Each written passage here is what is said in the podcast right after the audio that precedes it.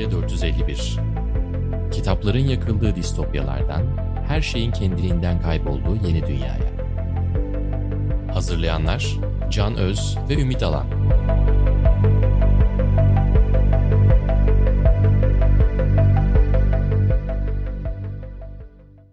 Merhaba, Yeni Medya 451'in ön söz programına hoş geldiniz. Bugün ben Can Öz ve programın diğer üyesi Ümit Alan. Size bu programda ne anlattığımızı biraz anlatacağız ki önümüzde birkaç bölüm daha var göreceksiniz. O bölümler sizin niye ilginizi çeker? Bu bölümlerde ne dinleyeceksiniz?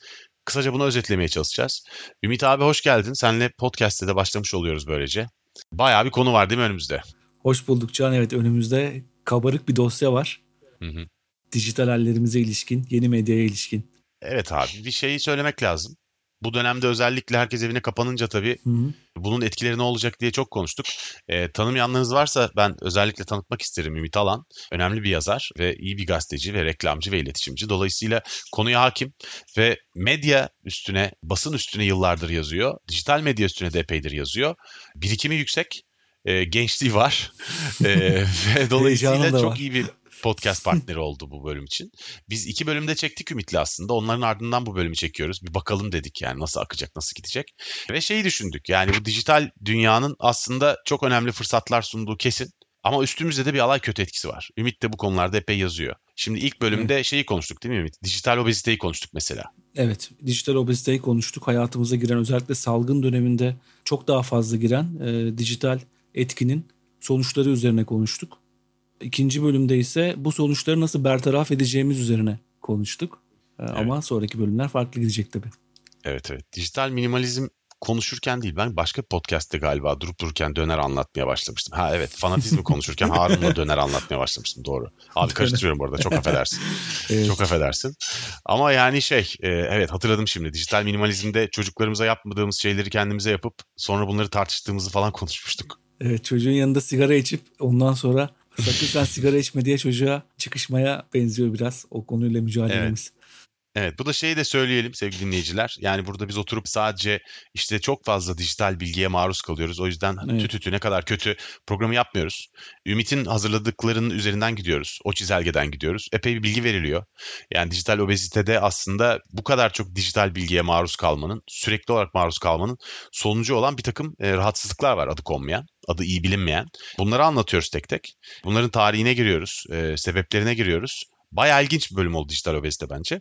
Sonra da dijital minimalizmde de bunu konu alan bir kitaptan yola çıkarak bu konuyla nasıl baş edilebileceğine dair öneriler veriyoruz. Sen bayağı bir hazırlık yapmışsın aslında Ümit. Yani bütün bu program için, dijital minimalizm için de.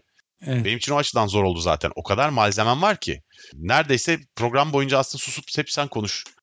İçgüdüsüyle başlıyorum programa çünkü çok iyi mal, malla geliyorsun yani. Evet işte sonraki bölümlerde bunu biraz daha dengeleyeceğiz diye düşünüyorum. Senin de daha fazla sormaktan öte yorumlar yaptın ki bunda çok değerli yorumların katkıların oldu. Ha, çok teşekkür ederim. Benim bakamadığım açılardan. Yani benim durumum aslında eski medya yeni medya arasında geçiş döneminde e, bu işlere başlamam oldu. 11 yıldır ben düzenli her hafta köşe yazısı yazıyorum. Bazı haftalar iki kere bazı haftalar bir kere. Ve mobil internetin yani yanımızda internet taşımaya başladığımızın tarihi de aslında 12 yıl 11 yıl o civarlarda. Ben bu değişime medyanın içindeyken tanık oldum. Yani eski medyadan yeni medyaya geçişe. O yüzden de artık bunlar üzerine biraz konuşmam gerektiğini ya da konuşmamız gerektiğini, yazmaktan da öteye geçmemiz gerektiğini düşünmeye başlamıştım. O sırada tam senin telefonun geldi ve bu macera böyle başladı. Çok güzel başladı. Şeyi de bir söyleyelim kısaca. Sevgili dinleyiciler bir alay başka bölüm başlığı konusu da çıkardık. Şimdi ben bunları size söyleyeceğim ama bunları birebir çekmeyebiliriz. Gidişatta arada belki bambaşka bir şey de çekmek isteyebiliriz falan ama aşağı yukarı bir fikir verir. Bir değişiklik olmazsa çekeceğimiz diğer bölümler şunlar. Algoritmaların hayatımızı nasıl şekillendirdiğini konuşacağız. Like tuşunun icadını da içine alarak. Bir diğer bölümde veri haklarını konuşacağız. Veri üzerindeki haklar, bu konular üzerine konuşacağız. Diğer bölümde troller ve trollük kavramını masaya yatıracağız. Nereden başlamış, ilk nerede çıkmış ve nasıl şiddetlenmiş ve bugün ne boyutta ve nereye gidiyor. Ee, diğer bölümde dijital emek konusunu konuşacağız. Yani dijital okyanusa e, maya çalıyoruz ve bunlar bir işe yarıyor mu? Ve bunların bir ekonomik karşılığı var mı konusunu ki bu Ümit senin de çok hassas olduğunu aslında üstüne evet. yazılar yazdığın bir konu. Hakikat sonrası üzerine konuşacağız. Gerçeğin nereye gittiğini konuşacağız daha doğrusu. Gerçeğin kaybolduğunu, internetteki bütün bilgi yoğunluğu içinde neyin gerçek olup olmadığını artık sezerek anlamaya çalıştığımızı ve bunun hayatımızı nasıl etkilediğini konuşacağız. Çok yalan ve çok fazla yanlışın arasında gerçekle nasıl e, iletişim kurarız. E, son bölümde şey dedik. Medya okur yazarlığı 8. bölüm. Belki istersek bir, bir iki bölüm daha çekeriz tabii onu bilmiyorum dediğim gibi gittikçe bakacağız ona. Ümit'le birlikte karar vereceğiz. Medya okur yazarlığı yani aslında bütün medya okur yazarlığı ne abi? Ben burada hakikaten lafı aldım götürüyorum ya. Medya okur yazarlığı ne anlatacağız Ümit? Medya okur yazarlığında biz bu hayatımıza giren yeni medyayı nasıl okumalıyız? Burada nasıl üretmeliyiz? Nasıl yazmalıyız üzerine? İşte bu da bizim e, bu teknolojilerle tanışmamızın üzerinden çok zaman geçmiş gibi düşünüyoruz ama aslında o kadar vakit geçmedi. Hep verdiğim bir örnek var. Bazı yazılarımda da kullanmıştım. Bazı üniversitelerde konuşmalarımda da kullanmıştım. Otomobilin icadıyla emniyet kemerinin yasal bir zorunluluk haline gelmesi arasında aşağı yukarı 100 yıl var. Yani insanlar 100 yılda yeni bir teknolojinin içerisine uyumlanmayı, o teknoloji sayesinde hayatlarının mahvolmasını önlemeyi 100 yıl içinde oturtabilmişler. Otomobilin hala trafik kazaları oluyor. Ama en azından emniyet kemeri bir yasal zorunluluk haline gelmiş. Ama biz bu yeni medya trafiğine o kadar eğitimsiz çıktık ki hepimiz normal eğitimler aldık. Normal okullarda normal kitapları, dergileri okumak ya da gazeteleri, normal medyayı tüketmek üzerine bir eğitim aldık. Ama hayatımızda şu anda bir tweetle, bir mesajla hayatımızı değiştirecek bir şeyin içerisinde duruyoruz. Ve birçok kişi bunu bilmeden eğitimsizce bunun içerisine giriyor. Birçok kişi bunun mağduru oluyor. Sizin 17 yaşında yaptığınız bir hata 25 yaşında yaptığınız bir iş görüşmesinde karşınıza şey olarak çıkıyor. Bir olumsuzluk olarak çıkıyor. Sosyal medyada yaptığınız bir hata. Medya okuryazarlığı aslında bunu bunu biraz daha keşfetmeye geçiriyor. Bunu mi? keşfetmek, formasyonunu öğrenmek üzerine bir dal. Tabii yani biraz aslında şey gibi. Yani neredeyse yüzme öğrenmeden denize atlamak gibi. Evet. Daha denize dalmak gibi neredeyse. Çok zor bir alan. Tabii şeyi de söyleyelim. Yani burada hani yasal mevzuat, emniyet kemeri falan demişken tabii ki bizim programlardan çıkacak önermelerimiz arasında evet. yasakçılık, yasalar falan yok. Şu anda yok ama burada evet hele bugün Türkiye'de interneti kapatırız, e, keseriz falan dendiği bir ortamda şüphesiz ki zaten böyle bir şeye tamamen karşıyız. Evet. Ancak yasal mevzuattan ziyade aslında önemli olan bir toplumsal ortak farkındalık. Yani şey çok evet. söylenir çünkü. İşte dijital doğan nesiller onlar teknolojiyi bilerek Hı-hı. öğreniyorlar. Hayır, bilerek öğrenmiyorlar. Onları keşfediyorlar ama bunların zararları veya bunların nasıl kullanılması gerektiğine dair onlara öğretecek kimsenin olmadığı bir dünyadalar. Evet. Yani şey gibi Mowgli gibi e, şeydeki hı hı. E, orman hikaye Jungle Book'taki Mowgli gibi yani bütün hayatı kendileri keşfediyorlar ama onlara avlanmayı öğretecek bir hayvan da yok ortada. Hiçbirimiz bilmiyoruz çünkü. Evet. E, o yüzden e, bunun önemli olduğunu düşündük. Belki birkaç sene içinde söylediklerimiz hiç ilginç kalmayacaktır ama en azından bugün ilginç olması için ve evet. sizi doyurması için elimizden geleni bizim Ümit'le yaptığımızdan emin olabilirsiniz. Ümit kabaca verdik galiba ön sözde evet. e, ne anlatacağımızı. Senin eklemek söylemek istediğin bir şey var mı? E, şunu da eklemek isterim. Biz şu anda hedeflediğimiz insanlar bu işin tamamıyla içinde olan profesyonellerinden ziyade bizim gibi normal kullanıcılar. Yani Hı-hı. bir bu işin akademik anlamda profesyonel olarak bu işle ilgilenen insanlara belki buradaki içerik biraz daha yani genel kalacaktır.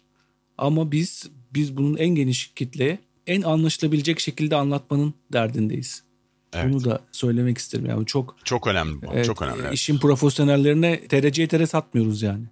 Biz aslında evet, evet, tere almayı, e, tere almayı bilmeyene tereyi nasıl alabiliriz, nereden alabiliriz gibi bir şeyle. Çünkü biz Yani bu söylediğin doğru olmakla beraber şunu da ekleyeyim abi. Sözünü evet. kestim affedersin. Çok kısa keseceğim o yüzden. İşin bir taraftan podcast, yeni medya, YouTube, Hı. dijital yayın olmasına rağmen aslında programlarda senin anlattığın bir şeylerin bir ciddi bir kısmında ben senden ilk defa öğrendim işin de doğrusu bu.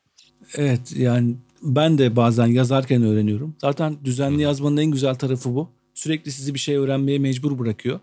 Ve hı hı. bu öğrenmeye mecbur kaldığım şeyleri de sadece yazarak değil, senin gibi bu işlerle ilgili insanlarla tartışarak bir düzleme aktarmak benim için çok heyecan verici.